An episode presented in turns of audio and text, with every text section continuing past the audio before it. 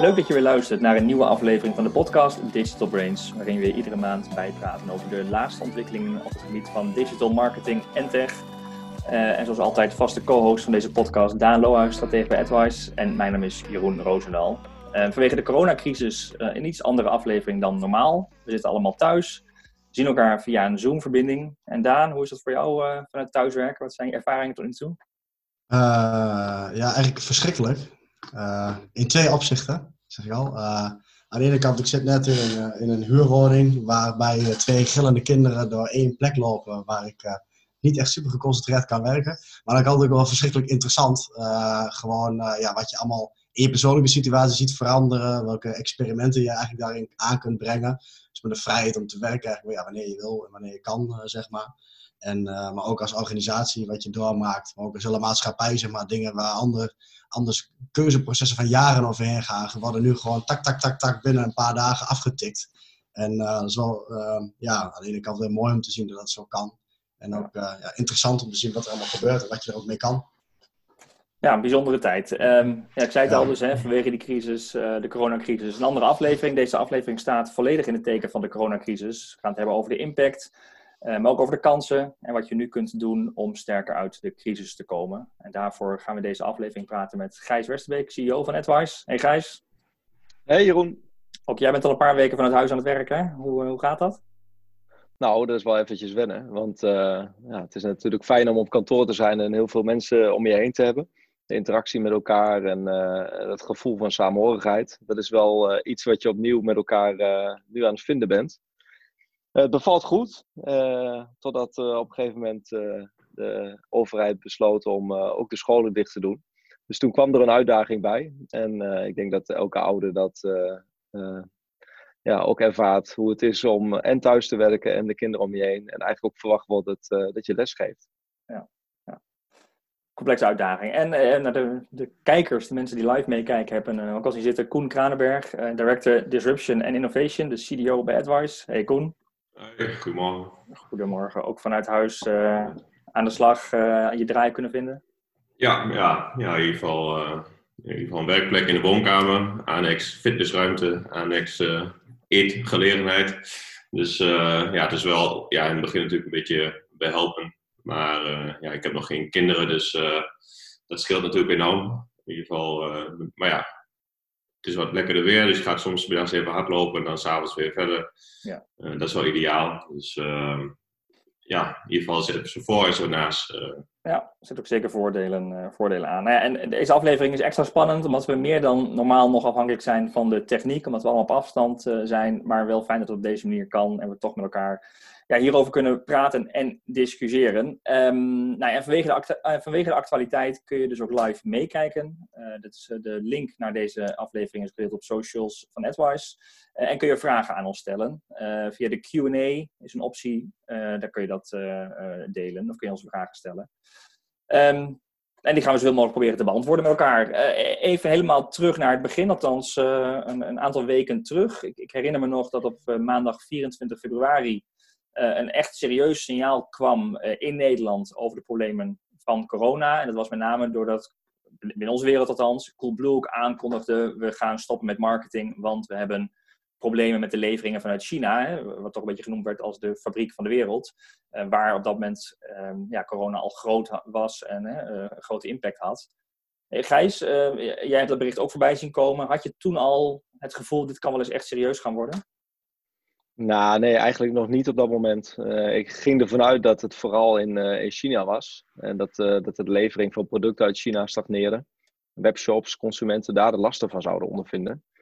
Maar dat we enkele weken later met elkaar in een wereldwijde crisis zitten, bijna, bijna allemaal in lockdown, dat had ik toen niet verwacht. Nee, nee. Hoe is dat nu voor jou als, als CEO van het bedrijf? We zijn nu anderhalve week onderweg. Hoe, hoe, ja, wat, wat ervaar jij nu? Nou, het voelt alsof we al heel lang met elkaar onderweg zijn. Uh, er is zoveel gebeurd natuurlijk in een hele korte tijd. En qua situatie is natuurlijk uh, crisis. Van een een op andere moment zijn bedrijven en markten letterlijk stilgelegd. En uh, nou, dat heeft natuurlijk directe impact op branches als horeca, de evenementenbusiness, travel. ja, dan mogen we als AdWise enigszins van geluk spreken dat we door, door kunnen, in principe. Maar natuurlijk treft het ook onze, onze klanten en daarmee ook onze business. Ja, ja.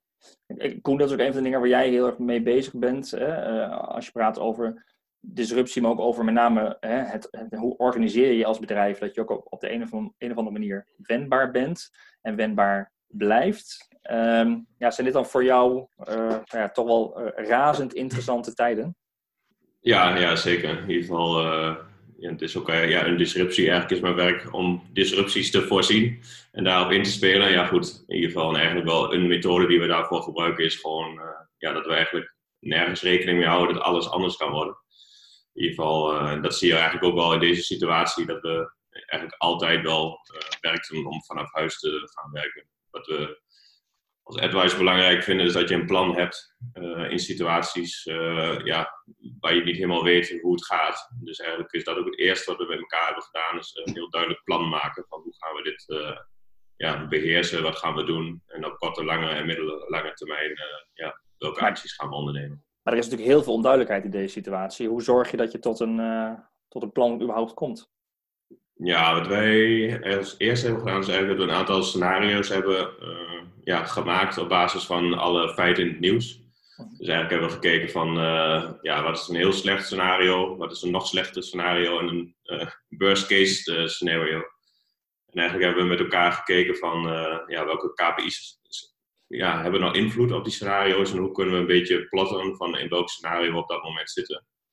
En eigenlijk vanuit daar uh, zijn we eigenlijk een vast uh, overlegritme gestart, waar we eigenlijk telkens hebben gekeken naar die KPI's, uh, naar het nieuws, dus welk scenario zitten we. En we hebben vanuit al onze kernfuncties, laten we even zeggen de belangrijkste kernprocessen binnen een bedrijf, hebben gekeken van joh, wat betekent dat dan voor mijn kernproces? Uh, en dan met ons in het achterhoofd al die scenario's. Dus uh, gaan we even uit van 40% wordt ziek of uh, dat, soort, dat soort dingen. Van hoe gaan we daarmee om? Eigenlijk zijn we daarmee bezig en mee gestart al ja, een weekje geleden, denk ik ongeveer. Om daar proactief al plannen voor te hebben liggen. Gijs, je bent dan de CEO, de ondernemer achter AdWise. Uh, geeft dat dan rust? Geeft dat een gevoel van controle? Ja, het, eh, het geeft zeker uh, rust in een tijd dat natuurlijk een hele grote uitdaging is. Een uh, bekende van mij die zei al heel mooi van het is een live management game. Dus normaal als je in een management training zit, dan kun je met elkaar natuurlijk een, een, situatie die bijna echt lijkt proberen met elkaar op te lossen. En nu is het real, real time en live. En ja, dat is natuurlijk één grote uitdaging. Maar wat, wat Koen ook zegt, zodra je met elkaar uh, scenario's proactief opstelt en je uh, kijkt vanuit de kernprocessen uh, en de verantwoordelijke, zeg maar, hoe je daar maatregelen en strategieën voor kan ontwikkelen, ja, dan ben je eigenlijk elke situatie wel eventjes voor en kun je in ieder geval het beste doen wat op dat moment eh, zou moeten gebeuren. En dan praat je eigenlijk over effectief leiderschap. En wat daarbij belangrijk is, is dat je natuurlijk vertrouwen hebt in je team en vertrouwen hebt in de mensen, zeker nu ze ook op afstand werken. En ehm, ja, dat je op die manier uh, goed door deze periode kan managen. Ja. Um, dat, en dat, hè, jullie noemen het scenario's denken. Dat is ook iets wat je hè, andere ondernemers hè, die ook een eigen bedrijf runnen ook zou adviseren. Denk gewoon op basis van feiten, informatie die er is. We hebben Mark Rutte volgens mij zeggen, op, horen zeggen op basis van 50% van de informatie moet ik 100% beslissingen nemen. Maar zorg in ieder geval dat je zoveel mogelijk informatie hebt om scenario's te toetsen en op basis van scenario's beslissingen te nemen, uh, Gijs. Exact, ja. ja. Uh, Koen, heb je, dan heb je scenario's, maar natuurlijk moet je wel het hele bedrijf alignen en moet iedereen wel, de, de, we hebben een ritme opgestart. Um, ja, hoe zorg je dat scenario's ook daadwerkelijk overal gedragen worden? Um, ja, geval wat we natuurlijk hebben gedaan is de maandag ja, afgetrapt met een call dan voor het hele bedrijf. Uh, waar we ook gewoon steeds proactief informeren met wat we, wat we weten. In ieder geval maken de situatie niet mooier dan die, dan die is, maar ook niet uh, slechter dan die is. Gewoon eerlijke uh, berichtgeving, eigenlijk hetzelfde wat de overheid ook doet. Um, ja, en waar we eigenlijk een half jaar geleden zijn ja, begonnen, zijn we advice echt implementeren van hele duidelijke processen en kernprocessen. In ieder geval, dat zien we nu ook wel dat we ja, veel beter in staat zijn om ja, om dit soort dingen eigenlijk te controleren in ieder geval. Uh, dus we hebben betere data-inzichten, dus we kunnen veel beter weten we van nou is de instroom meer of minder. we weten hoe het met de leads gaat. Dus eigenlijk ja, het hele datastuk, wat ook natuurlijk enorm belangrijk is in situaties als dit. dat zien we nu al, de eerste vruchten die daarvan geplukt worden, dat we nu eigenlijk al wel ja, gewoon weten hoe het gaat met ons. ik zeg wel eens hoe het gaat met onze auto's. Als je niet weet hoe hard die rijdt en je weet niet welke stoplichten eraan komen, ja, dan is het heel lastig navigeren. Hm. maar goed, eigenlijk het laatste half jaar hebben we zo veel daarin geïnvesteerd. En eigenlijk zie je dat, dat nu de vruchten van komen. Dat je eigenlijk ja, beter weet hoe je de auto moet, ja, moet besturen. Ja. Wat ik een heel, hele grappige constatering vond, wat ik helemaal niet gerealiseerd heb, maar bij AdWise werken we allemaal met laptops. Uh, en het was letterlijk zo van, ja, je pakt je laptop onder de arm, je gaat ergens anders zitten en je hebt een nieuwe werkplek. Uh, maar zelf heb ik ook contact met klanten van NetWise. En de, uh, zelfs ook klanten waar, um, je, waar alles gewoon desktop is. met een VPN-verbinding die, zodra je in het, zolang je in het bedrijf bent, op die manier verbinding kunt maken. Maar er, is, er was nog geen scenario, nog geen infrastructuur om überhaupt vanuit huis met al die VPN-verbindingen aan de slag te kunnen. Sterker nog, je moest ook iedereen vanuit het werk de, desktop op laten halen. Want laptops zitten op dit moment ook al lange levertijden aan. Uh, dus, dus je hebt gewoon geen nieuwe werkplek wat je kunt, uh, kunt, kunt organiseren, kunt faciliteren. En dat was voor ons relatief eenvoudig te, te doen, Koen. zijn het ook dingen waar je ook al in je infrastructuur, in je werkplekken, waar jij vanuit jouw functie ook over nadenkt? En ook bedrijven ja, over na te denken? In principe, wat we vanuit onze strategie hebben gezegd, is eigenlijk het globaal uh, kunnen opereren. En dat doen we natuurlijk al een tijd als advice, dat we gewoon internationale klanten hebben. Uh, daar naartoe reizen en dat we veel bij klanten op locatie zitten enzovoort enzovoort. Dus vanuit die behoefte uh, ja, doen we dit al. Dus ja, in ieder geval eigenlijk het mooie, beetje of mooie, de bijvangst van dit alles is natuurlijk wel dat het nu veel uh, doorgaat is om even contact te hebben via Zoom, even met elkaar af te spreken. Um, dus eigenlijk in alle strategische uh, ja, plannen die we hadden, dus meer, laten we zeggen, globalisering en werk op afstand, het aansluiten van een flexibele schil en al dat soort dingen, gewoon het heel flexibel zijn als bedrijf. Dat was eigenlijk altijd onze core, ja, onze, het doel. Ja. En dat zie je gewoon dat in een situatie als dit, dat dat gewoon helpt. En dat dat gewoon uh, makkelijk is. Ja. Nou goed, dus het is uh, niet, ja. Nou ja, je, je moet natuurlijk los daarvan hè, bij zo'n situatie ontzettend veel regelen, die eerste dagen, de eerste weken. Um, en er zijn ook, hè, we hebben dan een bedrijf wat heel erg, dit, hè, wat eigenlijk allemaal digital first is. We kunnen 100% door, alleen digital only, hè, wat we ook uh, benoemd hebben. Er zijn bedrijven die natuurlijk heel hard geraakt worden, er, er um, ook bijna niet op kunnen anticiperen. Um, en bedrijven die ja, hard geraakt worden, maar misschien wel kunnen anticiperen. En Gijs, jij, jij zei vanuit de visie die wij ook hebben, ook richting onze klanten, is van ja, eh, daar waar je de situatie niet kan aanpassen, en dat is gewoon nu het geval, moet je proberen om de situatie om te buigen. En datgene te doen wat wel kan. Uh, wat bedoel je daarmee? Hoe zie je dat? Nou, allereerst zeg maar dat, uh, dat de situatie zoals die is, daar hebben we met elkaar geen invloed op. Dus uh, het is crisis voor bepaalde bedrijven zelfs zo erg dat het bestaansrecht ervan afhangt. Maar ehm, hoe je erop acteert en wat je doet, daar heb je natuurlijk volledig grip op. Dus gebruik je de situatie om je bedrijf te versterken, zorg je ervoor om in deze situatie effectief de dingen te ontplooien waarmee je alsnog je business overeind kan houden. Um, en dan kom je eigenlijk bij de belangrijkste vraag van wat kun je nou doen om uh, er sterker uit te komen. Want we weten ook allemaal dat de crisis op een gegeven moment voorbij gaat. Ja, hoe zorg je dan als bedrijf dat jij dan uh, er beter voor staat dan je concurrent? Even de uitzonderingen daar gelaten, waar we gewoon praten over bedrijven die echt moeten vechten voor bestaansrecht en die gewoon 100% van hun business verliezen. Ja. Daan, je bent business stratege bij AdWise. Betekent dat jouw hersenen en radar kraken om uh, oplossingen te bedenken voor klanten die op dit moment in de problemen zitten? Ja, ik krijg wel een hele hoop vragen uh, die, um, en dan merk je ook wel aan de type organisaties, denk ik. Als, Koen beschrijft, sommige die staan al wat, die zijn er al wat verder mee, die hebben scenario's op de plank liggen. De andere is meer een soort van schieten uit de heupreflex. Zo van, oh, alle budgetten omlaag. Um, en dan moeten we ook samen met marketingteams goed nadenken over wat is nou echt een wijs besluit. Tuurlijk snap je vanuit bijvoorbeeld uh, zoals een businessvraag dat het gewoon echt nodig is om cashflow te behouden. Wat Gijs al zegt, bedrijven die anders op omvallen staan, um, moet je denk ik ook begrip hebben. Um, dat dat, dat dat zo is en dat het gewoon een cashprobleem is. Maar in heel veel andere situaties, en ik denk op dit moment zeker wel 80, misschien wel 90% van de gevallen, zijn er een hele hoop industrieën zeg maar, die niet direct bedreigd worden. En waar in principe de producten en de behoeften van de klanten niet veranderen. Alleen dat ze op dit moment even niet bij kunnen, in retail bijvoorbeeld. Maar dat er een hoop andere kanalen zijn die juist nu uh, een, een, een, flinke uh, verschuiving gaan kennen. Dat er meer online wordt gekocht, dat mensen hun gedraging echt misschien wel blijvend veranderen, waardoor je juist een kans kan pakken daarin. Ja. Um, en uh, de, kijk, in dat opzicht is, is die, die, coronacrisis, zeggen we het ook wel, het is, het is nu het is nog maar het begin. En dat is natuurlijk ook nu eigenlijk met de strategische plannen die je hebt. Het is niet zo dat je al zo voorbereid moest zijn. Je kunt nu nog een hele hoop dingen veranderen, want dit, dit gaat nog wel een paar weken, maanden duren.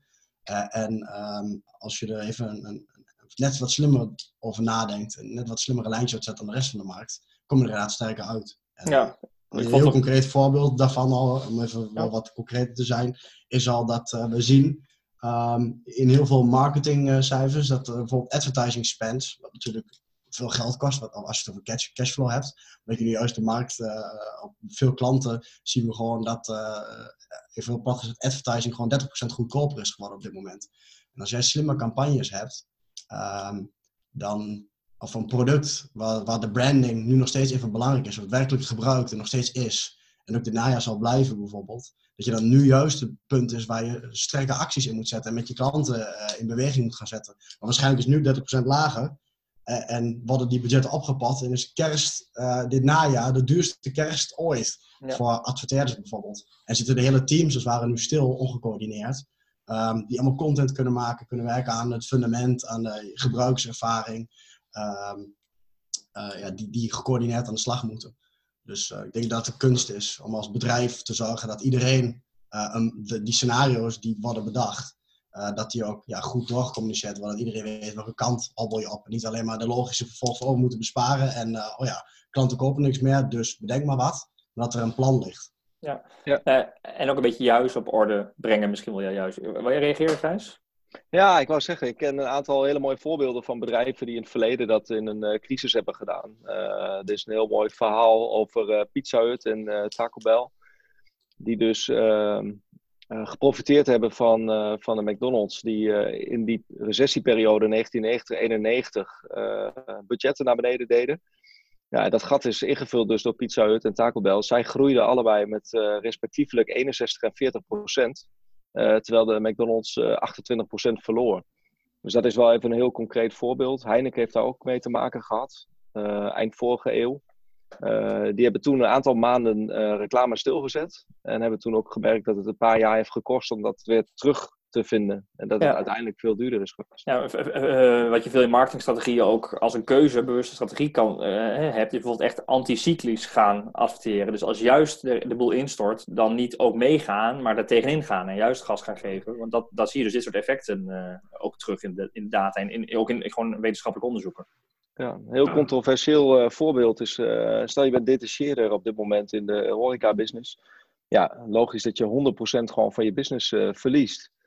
Alleen, ehm, eh, uiteraard moeten die bedrijven kijken van hoe kunnen ze bestaansrecht behouden. Maar als je toch naar de, naar de markt kijkt, dan is eigenlijk voor die tijd, nou, misschien een maand geleden nog wel, ja, konden bedrijven niet komen aan horecapersoneel. Dus een flink tekort en er was geen kans. Op dit moment zijn ze natuurlijk allemaal thuis. Hoe groot is de kans om in deze periode, mits je de financiering kan krijgen om die periode te overbruggen, ja, al die horeca-mensen te contacten via digitale kanalen, in te schrijven en te onboarden.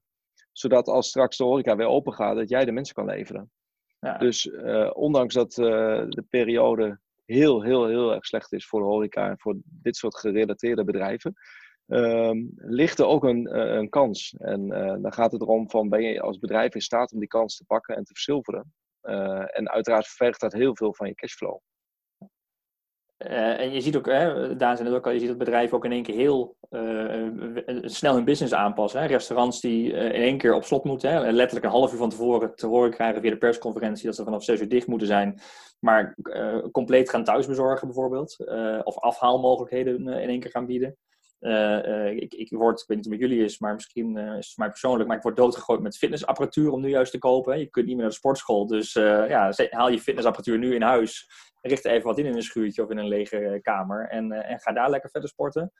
Um, Koen, dat, dat zie je natuurlijk denk ik in elke crisis. Een crisis leidt ook tot innovatie. En ergens, hè, we weten niet wanneer dit voorbij is. Dus ergens heb je ook een stukje, misschien wordt dit het nieuwe normaal. In ieder geval voor een langere tijd. Daar, daar moet je toch wat mee als organisatie.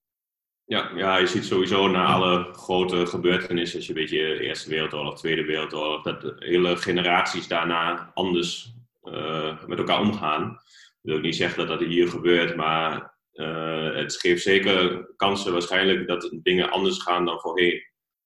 Um, ja, in ieder geval dat sowieso. In ieder geval dat mensen ook ja, in ieder geval wat anders gaan doen. Eigenlijk als je ook wel kijkt gewoon naar het stappenplan, zoals wij dat vaak zien, is eigenlijk gewoon stap 1 je cashflow eigenlijk zeker stellen. En als dat niet lukt in je huidige business, dan moet je eigenlijk gewoon alternatieven gaan zoeken. Geval, ik denk dat dat ook wel heel belangrijk is, dat je daarnaar kijkt. En eigenlijk het tweede dat je, daar, wat je daarbij doet, is wat je normaal, een normale marketingstrategie natuurlijk doet maar wie is je doelgroep en ja, wat doet die doelgroep? Dus heel simpel, van alle fitness, mensen die fitnessen, ja, wat doen die? Die kunnen niet naar de fitnessschool, even heel plat. Uh, ja, die gaan natuurlijk al dat spul voor thuis kopen, want je wil niet twee weken uh, of drie weken of misschien wel een maand lang thuis niks doen. Dat is denk ik ook wel weer, als je weer hebt, kijkt naar een plan en van een normale marketingstrategie waar je heel duidelijk de doelgroepen voor ogen hebt. Uh, dat je nu ook eigenlijk heel duidelijk moet gaan kijken van, joh, die doelgroep die ik had, uh, wat zoekt die nu? Of kan ik met mijn huidige dienst een andere doelgroep aanspreken? Dat je echt wel heel duidelijk weer je segmenten uh, en je doelgroepen gewoon weer even tegen het licht houdt. En ja, welke diensten kun je dan weer daarop aanbieden met de markt? Ja, ja ook vooral de waardepropositie ervan. Hè? Want ja. het kan op een nu moment met fitnessapparatuur is het misschien, uh, uh, ben je een andere type apparatuur met andere voordelen en nadelen dan standaard, dan het een half jaar geleden was. Uh, dus ik denk dat je op elke product of dienst even moet denken, hoe positioneer je het ook? Ja, en ik denk ook, uh, Daan, volgens mij zei je dat uh, eerder vandaag tegen mij nog even, van ja, check ook of de paniek die je voelt ook daadwerkelijk paniek is. Hè? Ik bedoel, hou zoekvolumes in de gaten. Want het kan best zijn dat, er, uh, dat je denkt, ja, niemand gaat meer sporten of fitnessscholen kopen geen nieuwe apparatuur. Nee, maar particulieren misschien in één keer wel. Dus je ziet misschien een verschuiving van zoekvolumes of juist ja.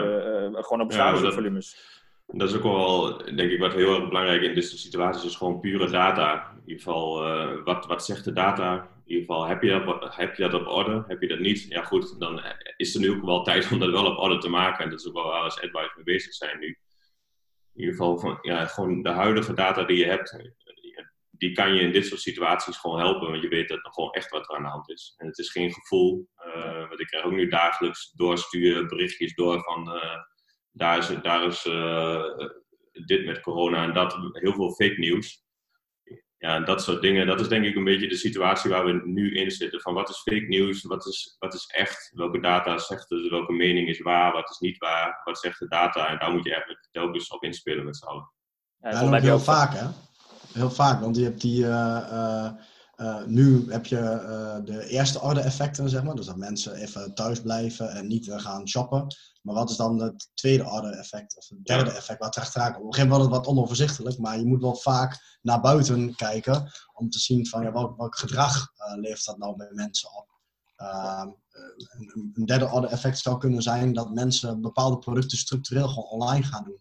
Of zoals even heel plat gezegd, zoals wij hier een podcast bijvoorbeeld nu opnemen, dan denk ik, hé, dat bevalt wel zo goed, dat ga je nu vaker doen uh, online dat een derde orde effect misschien wel wordt dat er veel minder meetings zullen zijn. Dat mensen veel minder, of veel minder, misschien 10% straks minder van mensenverkeer is gewoon dagelijks. Omdat mensen thuiswerken normaal zijn vinden. Wat betekent dat voor een markt bijvoorbeeld? En dat heb je pas door eh, ja, als je vaker uh, naar buiten kijkt. En als het lost het fileprobleem op.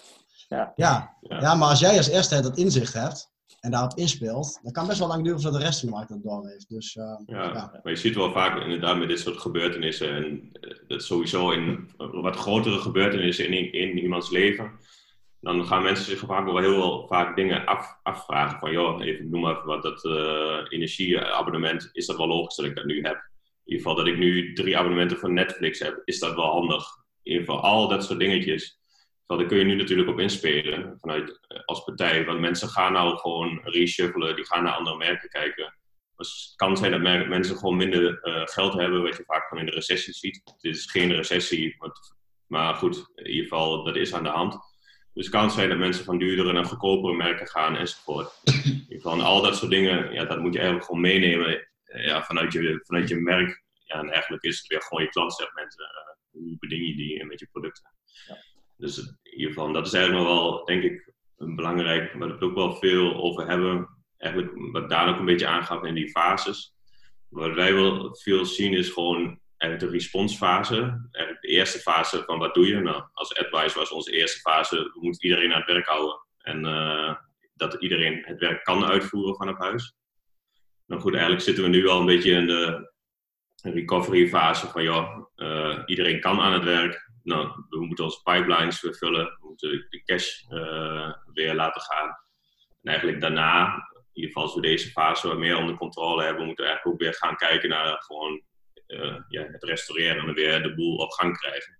Geval, dat is denk ik ook wel heel belangrijk vanuit crisismanagement, dat je, wat Daan ook al een beetje zei, heel veel korte termijn acties. Dat is even prima.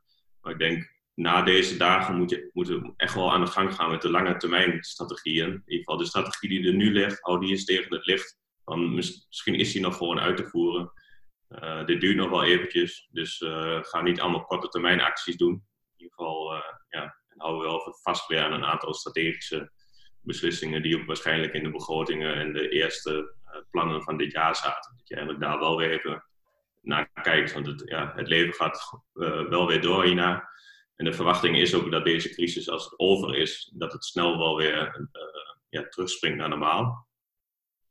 Um, ja, en ook als je kijkt naar horeca bijvoorbeeld. Ik zag laatst een staartje vanuit China. Dat je ziet van als de mensen weer op straat mogen komen. Dat is volgens mij 65 of 56 procent uh, eigenlijk meteen weer uit eten wil in ieder geval en weer vrienden wil opzoeken en al dat ja, soort dingen. dan krijg je juist een, weer een enorme lift erin. Uh, en misschien zijn er een paar echt concurrenten uh, die dan misschien net wat minder gewild zijn. Of, ja. Het is ook alweer een, een marktdoorselectie, zeg maar. Een beetje survival of the fittest.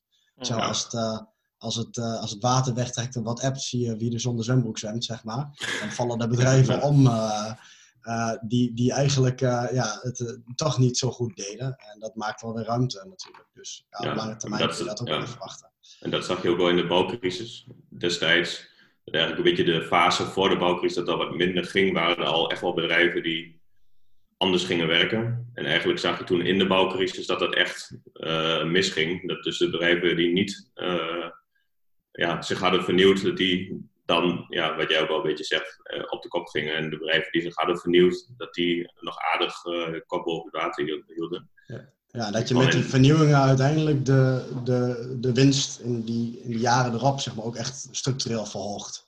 En ja. Die, ja. Maar goed, dit is, natuurlijk, dit, is, dit is natuurlijk geredeneerd vanuit zo zou het moeten. Ik bedoel, als, als je ondernemer bent en je bent in paniek of je voelt je business binnenstorten ja, of instorten, ja, hoe, hoe, hoe creëer je ook dat je uh, nog je hoofd rustig houdt, kalm houdt, dat je na gaat denken over vernieuwing? Er, er zijn best wel bedrijven, uh, of je nou ondernemer bent of gewoon een marketeer in een functie waarvan je ook denkt van ja, waar gaat het naartoe? Wat, wat kan ik nu doen als marketeer? Hoe zorg je dat je ja, dat hoofd koel houdt en ja, toch in die scenario's, in die strategieën vooruit gaat denken? En misschien wel gaat innoveren? Ja, maak een plan en, en de prioriteiten. Ik denk dat, dat die twee dingen heel belangrijk zijn. Dus eerst gewoon proberen de huidige business te laten lopen. Uh, en daarna eigenlijk gewoon kijken naar je strategische uh, punten. Dus ja, je cashflow en al dat soort dingen. In ieder geval, ik denk ook, ja, in ieder geval partijen, wij spreken natuurlijk ook heel veel partijen die, die uh, daar nu die vraag over hebben. In ieder geval, we hebben ook een aantal sessies hierna, gewoon waar we met een aantal partijen wel over gaan hebben van, joh, welke prioriteiten zie je allemaal, hoe kun je daarop inspelen maar dat is denk ik, uh, dat zie je eigenlijk denk overal. Als, in ieder geval als je thuis in een gezin of weet ik veel wat, uh, uh, even, niet, even, even niet weet, dan is het ook soms handig om even iemand anders te vragen naar zijn of haar mening. In ieder geval, ja, de sparring, dat, zoek ergens sparring. sparring inderdaad. Ja, ja. In ieder geval, dat is ook wat we zeggen als advice wat we ook kosteloos willen aanbieden, gewoon die eerste sparring. Misschien om heel even uh, over te hebben, even, even los dat we vanuit ons perspectief naar prioriteiten kunnen kijken ieder geval, dan kun je ook wel uh, heel snel wel weer ja, wat de rust erin krijgen. In principe, als je een plan hebt uh, wat geen goede uitkomsten heeft, ja, dat gaat nooit niet lukken. Dus je moet eerst gewoon een goed plan hebben uh, hoe je hieruit wil komen. Ik denk dat dat Ik denk dat dat het gewoon het belangrijkste is. In ieder geval, zonder plan kom je er nergens. Ja, laten we niet, niet vergeten, zeg maar, dat uh, Koen gaf al heel mooi de fases aan die je hebt. Van recovery tot uh, uiteindelijk restore. Maar uh, ik denk dat je in de eerste fase, daar waar heel veel bedrijven nu in zitten, echt gewoon praat over damage control. En dat is de eerste twee weken die, waar ondernemers gewoon mee te maken hebben. Dat van de een op andere dag beslist wordt dat jouw horecabedrijf dicht moet. Ja, dan heb je heel veel natuurlijk eerst te fixen van uh, het feit dat je geen inkomens meer hebt, dat je personeel hebt staan en dat je uh, verplichtingen hebt, ook voorraad hebt, uh, hebt liggen. Ja, hoe zorg je ervoor dat je daar in ieder geval zo goed mogelijk uitkomt? En dat je die fase zul je eerst door moeten om uiteindelijk weer opnieuw plannen te kunnen gaan maken, om vooruit te kijken. Ik kan me voorstellen dat mensen nu aan het meekijken zijn live en vragen hebben. Nou, er is in de optie van Zoom een Q&A. Als je over het scherm heen gaat, komt die balk onder in beeld en dan zie je daar twee wat van die spreekballonnetjes. Mocht je vraag hebben, kun je hem daar stellen. Komt alleen bij ons binnen en we zullen hem dan ook hier, hier bespreken. Dus via de Q&A in, in je venster kun je vragen aan, aan, ons, allemaal, aan ons allemaal stellen. Ja, we hadden het al even, hè, hoe kom je nou sterker uit de crisis? Enerzijds is nou ja, vanuit de fase damage control en de boel ja, proberen draaiende te houden. Ook in scenario's gaan denken, waar kan het naartoe gaan? En ergens, beluister ik bij jou, Koen, zorgen dat je KPI's hebt of, of data hebt om heel snel te kunnen toetsen, hey, richting welk scenario gaan we? Zowel externe cijfers, uh, maar ook je interne uh, bedrijfsgegevens bijvoorbeeld we moeten ons misschien, hè, gisteren was er een persconferentie, hè, we nemen deze podcast op dinsdag op, uh, gisteren was er een persconferentie waarin in ieder geval een datum genoemd werd voor evenementen hè, naar, vanaf 1, tot 1 juni. Nou, we weten nog niet wat de gevolgen zijn voor onze eigen ophokplicht, maar dat zou ook zomaar verlengd kunnen worden. We moeten toe naar een situatie dat dit het nieuwe normaal is voor zolang als het, zolang als het duurt. Daan, wat, wat kun je juist, hoe kun je deze tijd als, als marketeer of als organisatie benutten? Wat, wat, wat zijn nou dingen die je zou kunnen doen waarmee je morgen aan de slag kunt om ja, toch te zorgen dat je sterker uit de crisis komt? Nou, als ik het puur even op, op marketing betrek, gezien ook meer het thema van de, van de podcast natuurlijk, en tech. Um, kijk, er zijn ongelooflijk veel organisaties en teams natuurlijk die nog wat, wat achterstallig werk hebben. Dat is natuurlijk logisch om daarmee verder te gaan. Maar ook um, bijvoorbeeld ja, gebruikerstesten, uh, een, een, echt een grondige upgrade van een platform bijvoorbeeld, die je die voorsprong gaat geven in de komende jaren, waar je normaal gesproken misschien niet aan toe komt, omdat de operatie moet doordraaien en je ook allerlei technologieën mee moet laten draaien. Um, juist een keuze om zoiets nu te accelereren. Um, en, en, en maar, vooral ook die coördinatie met z'n allen opzoeken. Wat Koen al zegt, je moet een plan hebben liggen. Dit zou een onderdeel kunnen zijn van een plan. Dat je met z'n allen met één team nu één groot ding gaat oppakken. Um, um, even vanuitgaan dat je een team hebt wat er zit. Dus hè, mensen die anders niks doen of kleine korte termijn acties doen. Om juist één beweging met uh, een, een, team te maken wat je echt van duurzaam uh, concurrentie of efficiëntievoordeel gaat. En dat kan in marketing ook verschrikkelijk goed. Um, naast die korte termijn acties van, uh, hey, kijk eens wat je nu met een marketingcampagne misschien in het klein uh, wel kan doen om je doelgroep te helpen. En zo'n propositie te ontwikkelen. Vooral te kijken van, ja, hoe zorg je dat je een, een, een, een iets uh, lange termijn investering ja. maakt met een heel team wat anders stil zit. Ja, je noemde net al van je kunt natuurlijk uh, misschien nu heel goedkoop je CP, hè, de CPM of je advertising inkopen. Daardoor kun je mm. toch bepaalde campagnes gaan draaien. Uh, maar je kunt ook uh, veel meer, ja, misschien intern georiënteerd je huidige dingen uh, op orde brengen of verbeteren. Hè? Dus kijk eens kritisch naar je website, kijk eens kritisch naar je content. Uh, misschien juist nu de tijd om whitepapers te gaan creëren. Uh, kijk eens hoe e-mail marketing, wat je ja. daar kunt optimaliseren. er is ja, heel veel. generatie, flows, customer journey, welke teksten, content gebruik je allemaal? Klopt het allemaal? Staat dat strak? dat zijn ook dingen die altijd goed zijn om te doen, maar zeker nu.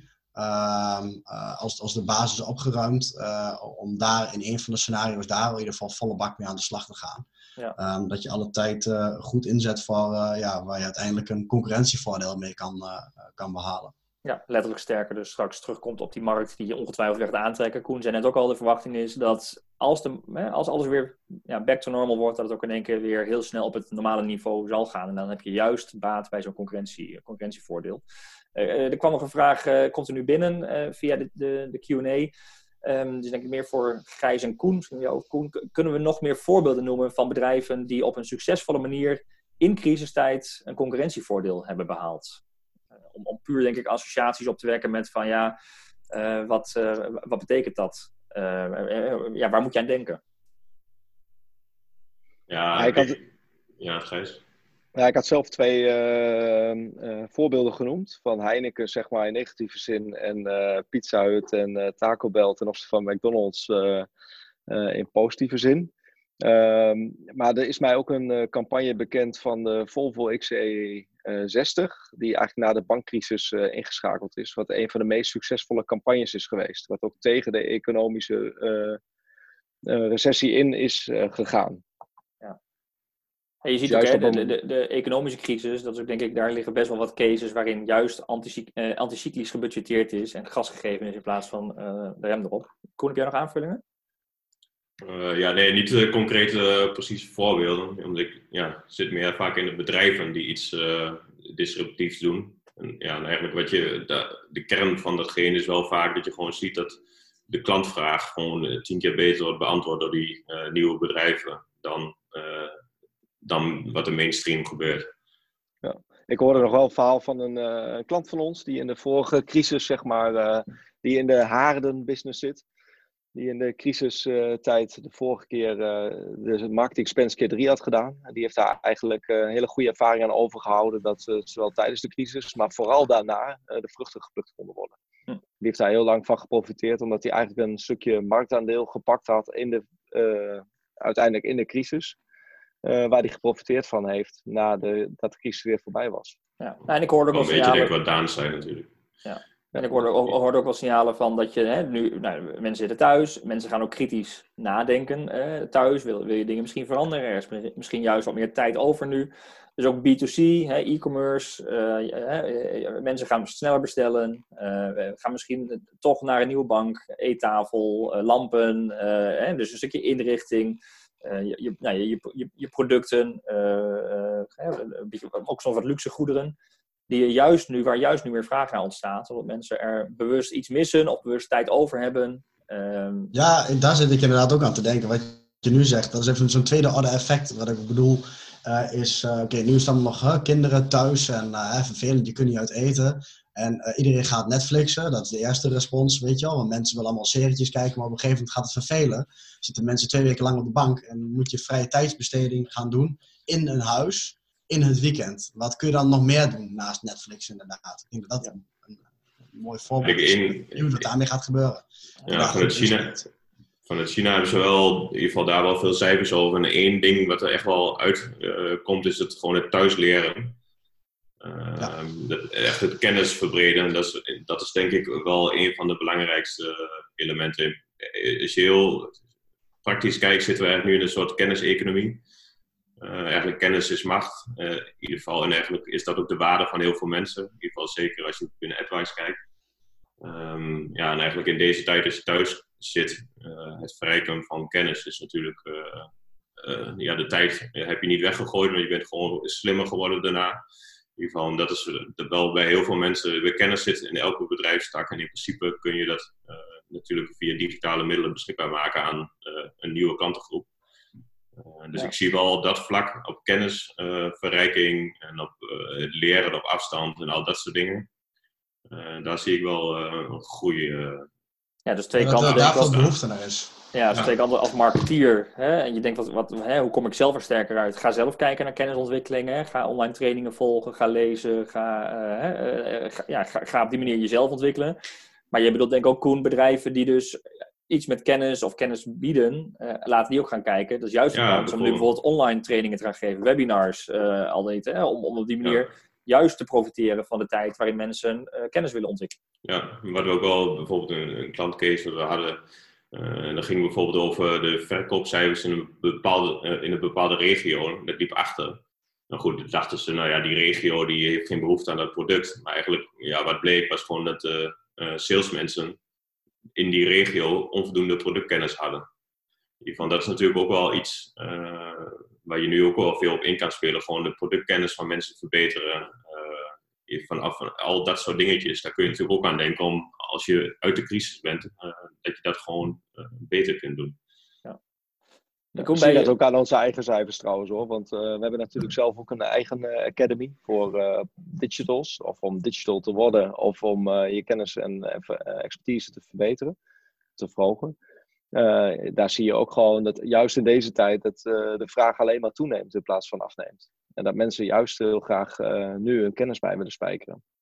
Ja, dus dat is echt een, eh, in dat segment een kans eh, wat dat betreft als je daar, eh, daar actief bent. En juist ook kijken naar hoe je innovatief die kennisdeling nu ja, plaats en misschien wel tijd onafhankelijk kunt, kunt leveren, kunt bieden. Ik denk ook als marketingorganisatie, dus als jij een bedrijf bent wat kennis verkoopt, dus de, je had altijd van kennisleiderschap in de markt, et cetera. Dat dit dus ook een moment is als je content of goede verhalen hebt. Of eh, dat dit het moment is om dat te ontsluiten. Misschien verkoop je niet direct producten. Maar kun je dus wel een band opbouwen. Uh, met zodra organisaties de tijd hebben om met die kennis te gaan schakelen. Of om daar echt wat mee te gaan doen. Uh, om, om die band te hebben opgebouwd. dan kun je inderdaad trainingen verkopen. Maar je kunt ook hardware of producten of diensten verkopen. Die, die inspelen op die kennis van organisaties dan een beetje die thought leadership uh, richting gaan ja, dan? Precies. Ja. ja, ja. ja. dat is wel een mooi, mooi verhaal. Uh, wat ik zelf veel vertel en wel mee bezig ben, is eigenlijk toen we keken naar de industriële revolutie. Uh, eigenlijk in die tijd is de productie snelheid keer 500 gegaan, even volgens mij. En eigenlijk zitten we nu in een kennisrevolutie. En eigenlijk is de productiviteit nog maar keer 5 gegaan. Dus dat geeft nog heel veel kans om met elkaar als kenniswerkers productiever te worden.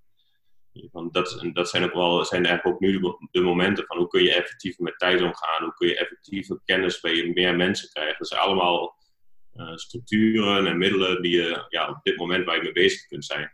Van dat zien we ook wel binnen onszelf, maar ook wel voor klanten als kans van ja, in die kennis die je in je organisatie hebt zitten, die misschien net bij die ene medewerker zit die zoveel kennis heeft en uh, ja, heel belangrijk is. In ieder geval misschien dat dat soort mensen ook nu uh, juist die kennis kunnen gaan delen waar eerder geen tijd was om dit te doen.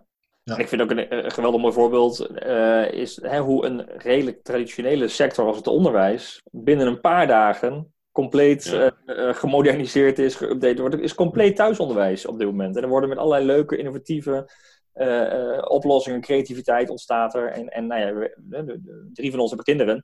We weten zelf, die kinderen zijn uh, hartstikke druk ook. En op een leuke manier met, met onderwijs. Op een heel nieuwe manier. De vraag is wat er van overblijft straks als we allemaal weer teruggaan. Maar ja, dit, dit, dit geeft ook wel ergens denk ik heel veel energie. Dat, je, dat er dus blijkbaar toch een behoorlijke veranderkracht is in de sector. Waarvan je denkt, nou die, is veel te log om überhaupt te kunnen veranderen. Dus ze moeten wel. Ik moet zeggen, Jeroen, uh, ik weet niet hoe het bij jou is, maar uh, bij ons is het nog wel vrij traditioneel uh, wat, wat de scholen doen qua digitalisering. Hm. We hebben zelfs aangeboden zeg maar, om namens Advice één klas kosteloos te supporten en als een pilot op te zetten om ze eigenlijk binnen één week volledig digital te hebben. Ja. Zodat eigenlijk de lessen door kunnen gaan, maar dan vanaf huis. Nou, dat, je raadt het al, dat moest het bureaucratische proces in. En ik denk dat we over een paar weken nog steeds niet wat hebben. Oké. Maar ik vind het allemaal op basisonderwijs nog wel houtje touwtje hoor. Nee, natuurlijk, maar um, en ik weet, universiteiten zijn al verder ook op, op afstand onderwijs geven, maar basisonderwijs eens. Maar toch, wil ik hoor dingen als Google Classroom. Uh, er wordt geëxperimenteerd met technologieën en tools waar voorheen volgens mij niemand voor in beweging wilde komen. En ik zie wel, ja, echt hout terug, maar ik zie docenten die gewoon leuke filmpjes maken. Uh, uh, ja, wel, er is een, dat is denk ik het belangrijkste, er is een mindset switch of zo is er ontstaan. Hè. Ze worden geforceerd om anders te denken. En ik hoop persoonlijk dat, dat dit iets in beweging zet voor inderdaad, denk ik, de, de, de ambitie en de visie, Gijs, die wij natuurlijk van digital film op, op dat soort uh, uh, branches ook hebben, maar, of sectoren hebben. Maar het zet iets in beweging, dat is grappig, binnen een paar dagen. Ja, daar ben ik van overtuigd. Dat gaat absoluut deze periode brengen voor het onderwijs. Uh, om die stappen te gaan maken. En er was ook volgens mij hard nodig dat dat uh, die stappen ging maken. Ja. Denk je dat we dat in meer sectoren gaan zien, Gijs? Dat, want we hebben natuurlijk ondernemers, we hadden net die, die, eerste fase, een stukje paniek, damage control. Uh, wat is jouw verwachting? Uh, wat hoor je ook van ondernemers om je heen? Gaan er dingen misschien wel structureel veranderen? Komen er dingen in beweging die voorheen heel moeilijk in beweging te krijgen waren? Ja, ik denk het wel. Um, maar je hebt te maken met een gedrag en een mindset. een gedragscomponent. En het enige waar ik bang voor ben, is dat zodra de crisis weer voorbij is en we mogen allemaal weer ons huis uit, dat we heel snel weer in ons oude gedrag uh, vervallen. En dat, is, uh, dat zou heel jammer zijn. Uh, ik kan een hele mooie situatie projecteren of laten zien zeg maar, hoe het bij Advice was. wij waren en zijn een organisatie waarbij we heel graag mensen de vrijheid geven om vanaf huis te werken. Te werken waar je wil, te werken wanneer je wil. Maar toch is daar altijd een, een drempel. en ik denk dat deze situatie voor ons als bedrijf gezorgd heeft dat we met elkaar over die drempel zijn gegaan. En ehm, eigenlijk geforceerd uh, op afstand moesten werken. Maar daar zie je ook hele mooie succesverhalen voorbij komen. Nou, een daarvan is dat we een meeting hebben met een klant waar we normaal gesproken uh, met vier man, uh, inclusief reistijd, twee, een hele dag kwijt zijn. Wat je nu in, in twee uurtjes doet. Dus dat is een, een flinke reductie. Acht uur in plaats van 32 uur. Nou, als je daarmee met elkaar effectiever bent, is dat een win-win voor de klant en voor ons. En dat zijn hele mooie voorbeelden waarbij uh, het altijd al gekund heeft. En we hadden altijd de middelen natuurlijk. Alleen nu moet je. Nu raken mensen eraan gewend. En uh, wordt het steeds normaler. En ik denk dat, uh, dat aansluitend op het verhaal van Koen. Ik denk dat we hiermee veel en veel productiever kunnen worden als organisatie. En dat geldt natuurlijk ook voor heel veel andere bedrijven. Hm. Dus mijn achtergrond kan wel eens waarheid gaan worden. Ja. ja. Maar daarom wisselde je. Ja, werken vanaf. Ik zat mysterieus en in één keer verdween je. Ja, van de podcast luisteren zie je er niks van. Maar Jeroen zit in één keer uh, met een, uh, een, een, mooi blauw uh, zee met palmbomen om zich heen. Ja, dus mocht je, of nu even in, in Londen, dus mocht je alsnog niet echt ergens anders gaan werken, kun je in ieder geval het gevoel creëren dat je ergens anders werkt met, met dit soort tools. Maar het is wel, ja, ik ben met je eens, Gijs. We zien natuurlijk geforceerd wel dat er heel veel ruimte is om ook veel bedrijven business door te laten gaan, plaats en, en misschien tijd onafhankelijk. Kijk, en kijk eens naar de retail, hè, de ontwikkelingen. Dat uh, zodra bedrijven nu die in de retail zitten en de winkel nog open mogen hebben, uh, die gaan natuurlijk alles op alles zetten om die consument nog betere ervaring te laten geven via de digitale kanalen. Dat uh, mensen nog beter in staat zijn die ervaring te hebben, je, de doelgroep te bereiken, de producten te ervaren, de producten thuisgestuurd te krijgen en thuis te ervaren zoals je hem zou willen ervaren ja, dat, als je dat lang genoeg uh, volhoudt nu en uh, mensen raken gewend aan dat gedrag, vraag ik me wel af of dat impact heeft. Dat straks minder mensen voor een aankoopmoment per se nog naar de winkel gaan. Dus uh, daar zie je ook weer dat gedrag en automatisme, toch als dit lang genoeg duurt, een verandering teweeg kan brengen. Ja. En, en, Koen, los van hoe lang dit gaat duren, we, weten het allemaal niet. Ik kan het je wel vragen, maar ik denk dat jij ook niet meer weet dan wij. Hoe hoewel je wel vaak voor ons gevoel een helderziende blik hebt. Maar um, uh, wij zitten nu in een crisis, maar dit kan natuurlijk volgend jaar uh, zo weer opnieuw ontstaan, of over twee jaar. Hè. Dit is wel iets waar je als bedrijf, denk ik, wel echt serieus rekening mee moet gaan houden. Ja, ja, ik denk inderdaad. In ieder geval, daarom denk ik ook wel de plannen die je nu maakt en de uh, draaiboeken ja, maak het gewoon ook zo dat je het waarschijnlijk de volgende keer nog een keer kunt gebruiken. Uh, maar is het ook een vorm van disruptie die, want hè, vaak hebben we het over disruptie eh, vanuit de business, dus er komt een concurrent of uh, Google gaat in jouw branche iets, iets lanceren. Hè, of, hè. Maar dit is natuurlijk een vorm van disruptie die, we, ja, die redelijk uit beeld is over het algemeen. Ja, ja, dat zeker. Maar wat ik wel interessant vind aan het geheel is inderdaad dat, je, dat iedereen nu zo makkelijk verandert eigenlijk dingen waar je normaal misschien wel maanden over doet. En wat nu gewoon, dat iedereen, iedereen ziet meteen de noodzaak ervan in dat het moet gebeuren. Uh, iedereen die vindt het zelfs leuk uh, om het op deze manier te doen. Dus het is ook een soort van fun. En dat vind ik eigenlijk wel uh, interessant aan deze hele situatie. Van waarom, nu, waarom kan het dat nu wel? ja goed, er zijn natuurlijk heel veel dingen voor te verzinnen. En, maar dat is ook wel heel vaak met de disruptie. Maar eigenlijk ben je dan te laat als, als dit een normale disruptie als Uber zou zijn en al dat soort dingetjes. Uh, ik zeg wel eens van, ja, eh, en je moet zo snel als nu veranderen, ja, dan ben je eigenlijk al te laat. Want in principe, dan hebben ze de markt al, dan hebben ze het hele netwerk al staan, enzovoort, enzovoort. In ieder geval, dit is natuurlijk een andere, andere soort disruptie.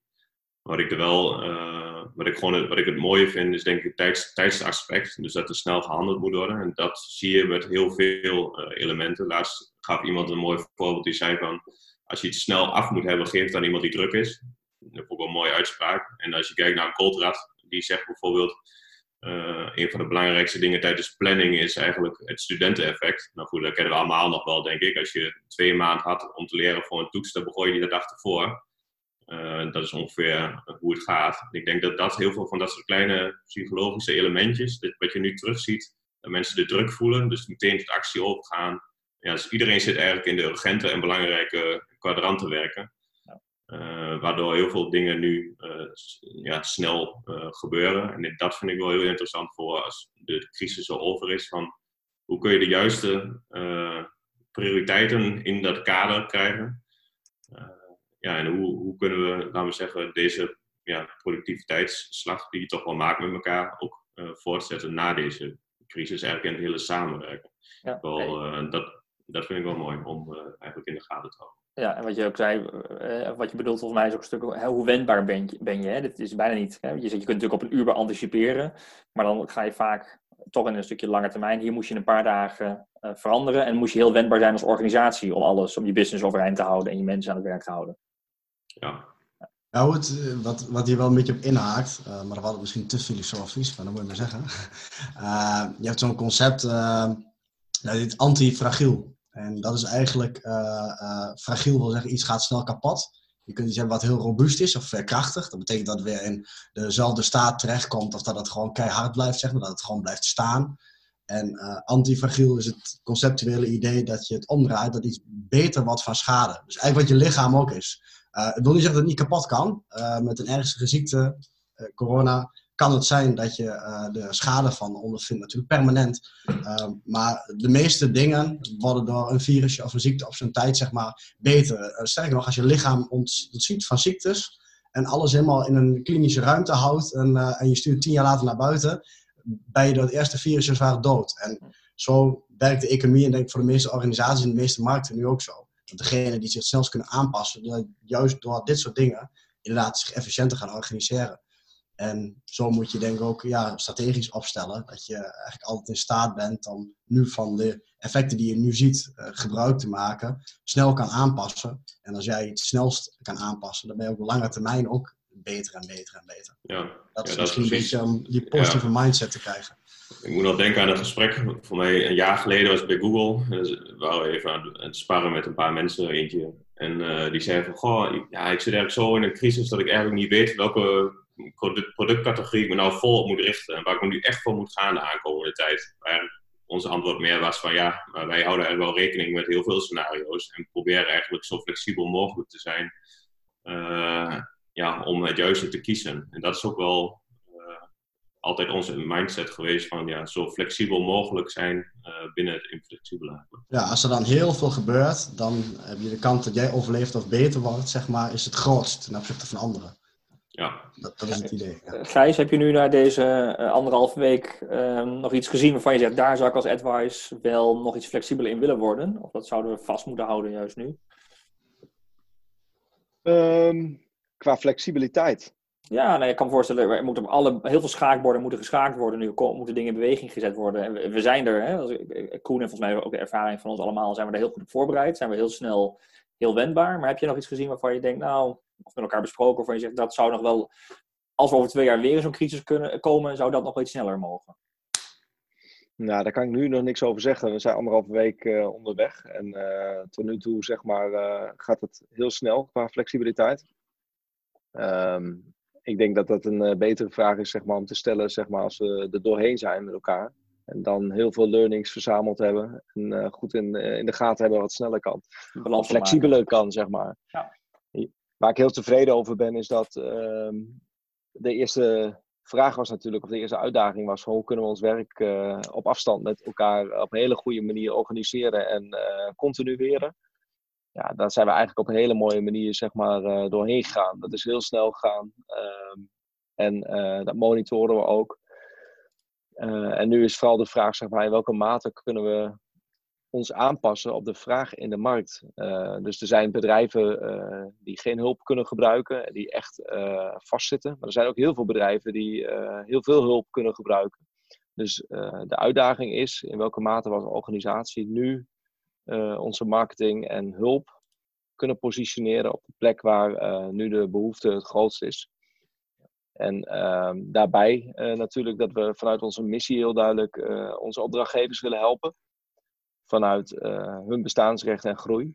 En vandaar ook dat we ons eigen initiatief gelanceerd hebben om bedrijven kosteloos te helpen sparren die het moeilijk hebben. Om te kijken van of onze breinkracht, en wat Koen ook zei, in die eerste sparringsfase, hun kan helpen om tot inzichten te komen, tot goede ideeën te komen, om sterker hieruit te komen. Of hè, in het geval van damage control, ja, een sparringspartner te hebben van ja, wat kun je nu het beste doen uh, op korte termijn.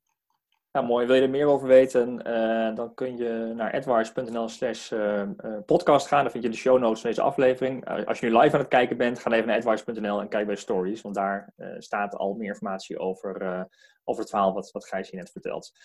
Uh, gezien de tijd gewoon nog één vraag beantwoorden. Um, is het een gevaar dat werknemers na deze crisis meer thuis willen gaan werken en je daardoor misschien wel het teamgevoel en de binding met het bedrijf verliest? Of leren we uit deze crisis dat het juist veel kosten kan besparen door medewerkers structureel juist thuis te laten werken?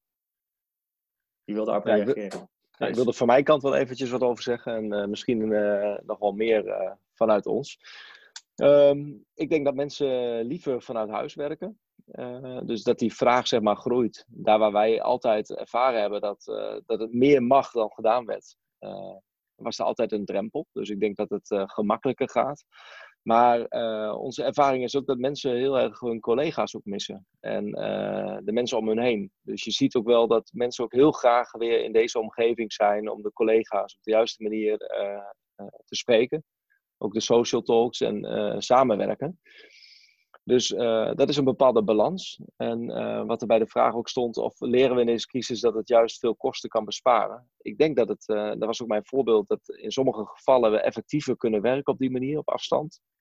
niet per se thuis, maar eigenlijk op, op plekken daar waar je gewoon op afstand het juiste kan doen wat gedaan moet worden. Maar ik denk als je praat over saamhorigheid en ehm, teamgevoel en binding, dat je dat ook op hele andere manieren zeg maar, kan organiseren op afstand. En dat is iets waar we als Advice nu aan het experimenteren zijn. Dus we werken met engagement surveys. Uh, we zijn bezig met sentiment management. Uh, dat maandborrel ook... gehad met uh, 92 mensen. De maandborrel, ja. Ja, dus je ziet wel dat door de initiatieven zeg maar, je het op andere manier gaat organiseren. Om toch het teamgevoel, de binding en vooral saamhorigheid behouden blijft. Ja. En Daan, wat kun jij erover zeggen? Nou, ik, ik zat nog wel te denken aan. Uh, um, uh, ik, ik heb ook uit pure interesse gekeken naar uh, andere bedrijven die dat veel langer doen. Die, die al gedistribueerd bestaan, zeg maar. Je hebt bijvoorbeeld een WordPress. Automatic is die organisatie achter WordPress die dat maakt. En uh, die zeggen ook al van je hebt verschillende niveaus op een gegeven moment die je ontwikkelt. Eerst ga je gewoon met z'n allen gewoon video bellen. En op een gegeven moment zie je dat teams inderdaad ochtends gewoon uh, met z'n allen de, het open laten staan, zeg maar, de, de, de call en elkaar muten. maar wel in de gedurende dag elke keer in een Slack-channel goedemorgen zeggen. en dat het op een gegeven moment geaccepteerd wordt dat jij om drie uur even niet beschikbaar bent, omdat je de kinderen van school haalt. Dat het gewoon normaal gaat worden omdat het anders op kantoor gek zou zijn. Dat het je menselijk gedrag een beetje tegenhoudt. Dat je in één keer zegt om drie uur, oké, doe ik ben een uur weg. Maar als je online werkt met z'n allen, is dat helemaal niet raar. En dat dat soort gedragingen op een gegeven moment ook normaler worden. En dat het eigenlijk hartstikke mooi is. En dat mensen daar ook blijer van worden. Ja. Um, hij noemde zelf ook die CEO's als een voorbeeld van, ja, ik, ik hou ervan om af en toe een klein workoutje tussendoor te gaan doen, wat push-ups en zo, en dat soort dingen. Dus op kantoor is het natuurlijk super gek zijn. Als je lekker naast je bureau gaat staan en je begint in één keer uh, push-ups te doen. Uh, maar thuis doet hij dat wel en dat vindt hij dan prettig. Nou ja, dat kun je op een paar thuiswerkdagen die je organiseert wel doen zonder verder connectie met het team te verliezen als, als die cultuur ernaar is. Ik geloof dus, dat er zelfs bij ons koffiecalls georganiseerd worden. Om gewoon even een kwartiertje met elkaar koffie te drinken. Ja, dan gaat er in één keer zo'n Zoom-linkje heen en weer van wie komt erbij, weet je wel. Ja, dat is zo gaaf dat het ontstaat. En dan zie je ook dat er gewoon in het thuiswerken ook hele positieve kanten zijn. Die nu alleen maar gebeuren omdat iedereen het moet. Ja. Uh, en dat je wel zo'n cultuurswitch krijgt waar zo'n organisatie van WordPress, uh, Automatic dan, gewoon drie jaar over doet. Uh, dat dat nu ook bij bepaalde organisaties versneld kan ontstaan. Ja, maar we blijven sociale dieren, denk ik hoor. Ja, en zou je zeggen, okay. Koen? Ja, ik denk dat wat, wat Daan aangeeft, dat allemaal hele mooie eh, voorbeelden. Ik denk uh, wat ook zeker op de agenda moet komen, denk ik, na deze uh, crisis, laten we zeggen, dat gewoon de, HR-policies, laten we zeggen, culture en people, dat dat onder de loep wordt genomen. In ieder geval, ik noem maar bedrijven die een desktopcomputer hebben. Ik kan me zo voorstellen dat er ergens in de policy staat, alleen de mensen die op de weg zitten, hebben een laptop. Oh, dat is tegen het licht, al dat soort dingetjes. Hoe gaan de calls met elkaar? Wat, vind je, wat zijn verplichtingen enzovoort enzovoort. Ja. In ieder geval, ik kan me zo voorstellen dat nu iedereen denkt van, oh vet allemaal dit. En als het weer normaal is, dat alles weer terug, terug to basic uh, blijft. En dat er nog steeds in de HR-policy staat van, je mag je laptop niet meenemen naar huis. Uh, dat soort dingen hou dat nu eens tegen het licht. In ieder geval, nu is de situatie daar dat je dit soort dingetjes uh, kunt aanpassen. Hm. Um, en ik denk zeker het hele engagement stuk ja, dat, dat is denk ik ook sowieso belangrijk. En wat Daan ook wel aangeeft. In ieder geval, dat is denk ik ook uh, het betrekken van uh, jonge mensen op directieniveau of op die lagen daartussen. Want die, die, die, zijn dit al gewend. In ieder geval, die hebben op school zoal met elkaar gewerkt. betrek ze erbij hoe ze graag willen werken. Ik denk dat dat het belangrijkste is. Ja, en vanuit de leiderschap vertrouwen. Vertrouw je mensen. Vertrouw je mensen dat ze ja. thuis hun werk kunnen doen en dat ze het lekker op hun eigen manier kunnen doen. Uh, dus Ja, vertrouwen ja. wil ik daar heel erg mee uitspreken.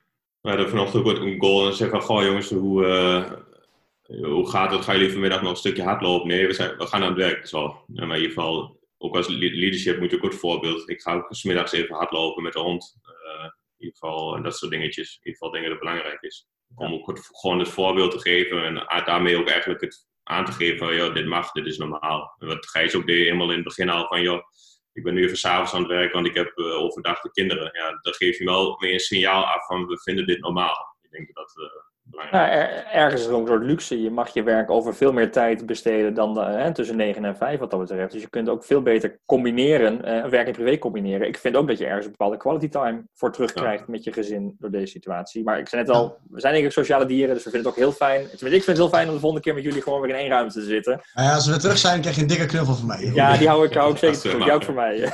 nou. Hey mannen, we, gaan het daarbij laten wat mij betreft. Uh, dank jullie wel. Um, ja, ik sluit niet uit dat ja, wij in een volgende podcast, dan wel over een maand, maar misschien al wel eerder, nog een keer uh, in deze setting over de situatie gaan praten. En uh, nou ja, ervaringen en ook weer nieuwe inzichten zullen gaan, zullen gaan delen. Um, ja, meer informatie over deze aflevering vind je op advice.nl slash podcast. Daar vind je ook een verwijzing naar de show notes, waar wat relevante artikelen gedeeld worden over onderwerpen die we vandaag besproken hebben. Um, en ja, vind je het leuk om naar deze podcast te luisteren, toekomstige podcast, of wil je podcast uh, afleveringen uit het verleden uh, terugluisteren? Abonneer je dan in je favoriete podcast app, zodat je automatisch de volgende afleveringen ook in jouw app uh, gepusht krijgt en altijd op de hoogte blijft van de laatste ontwikkelingen. Dank jullie wel. Werkt allemaal. En geniet nog even naar lunch. En bedankt voor, het, voor de live kijkers en heel graag tot de volgende aflevering.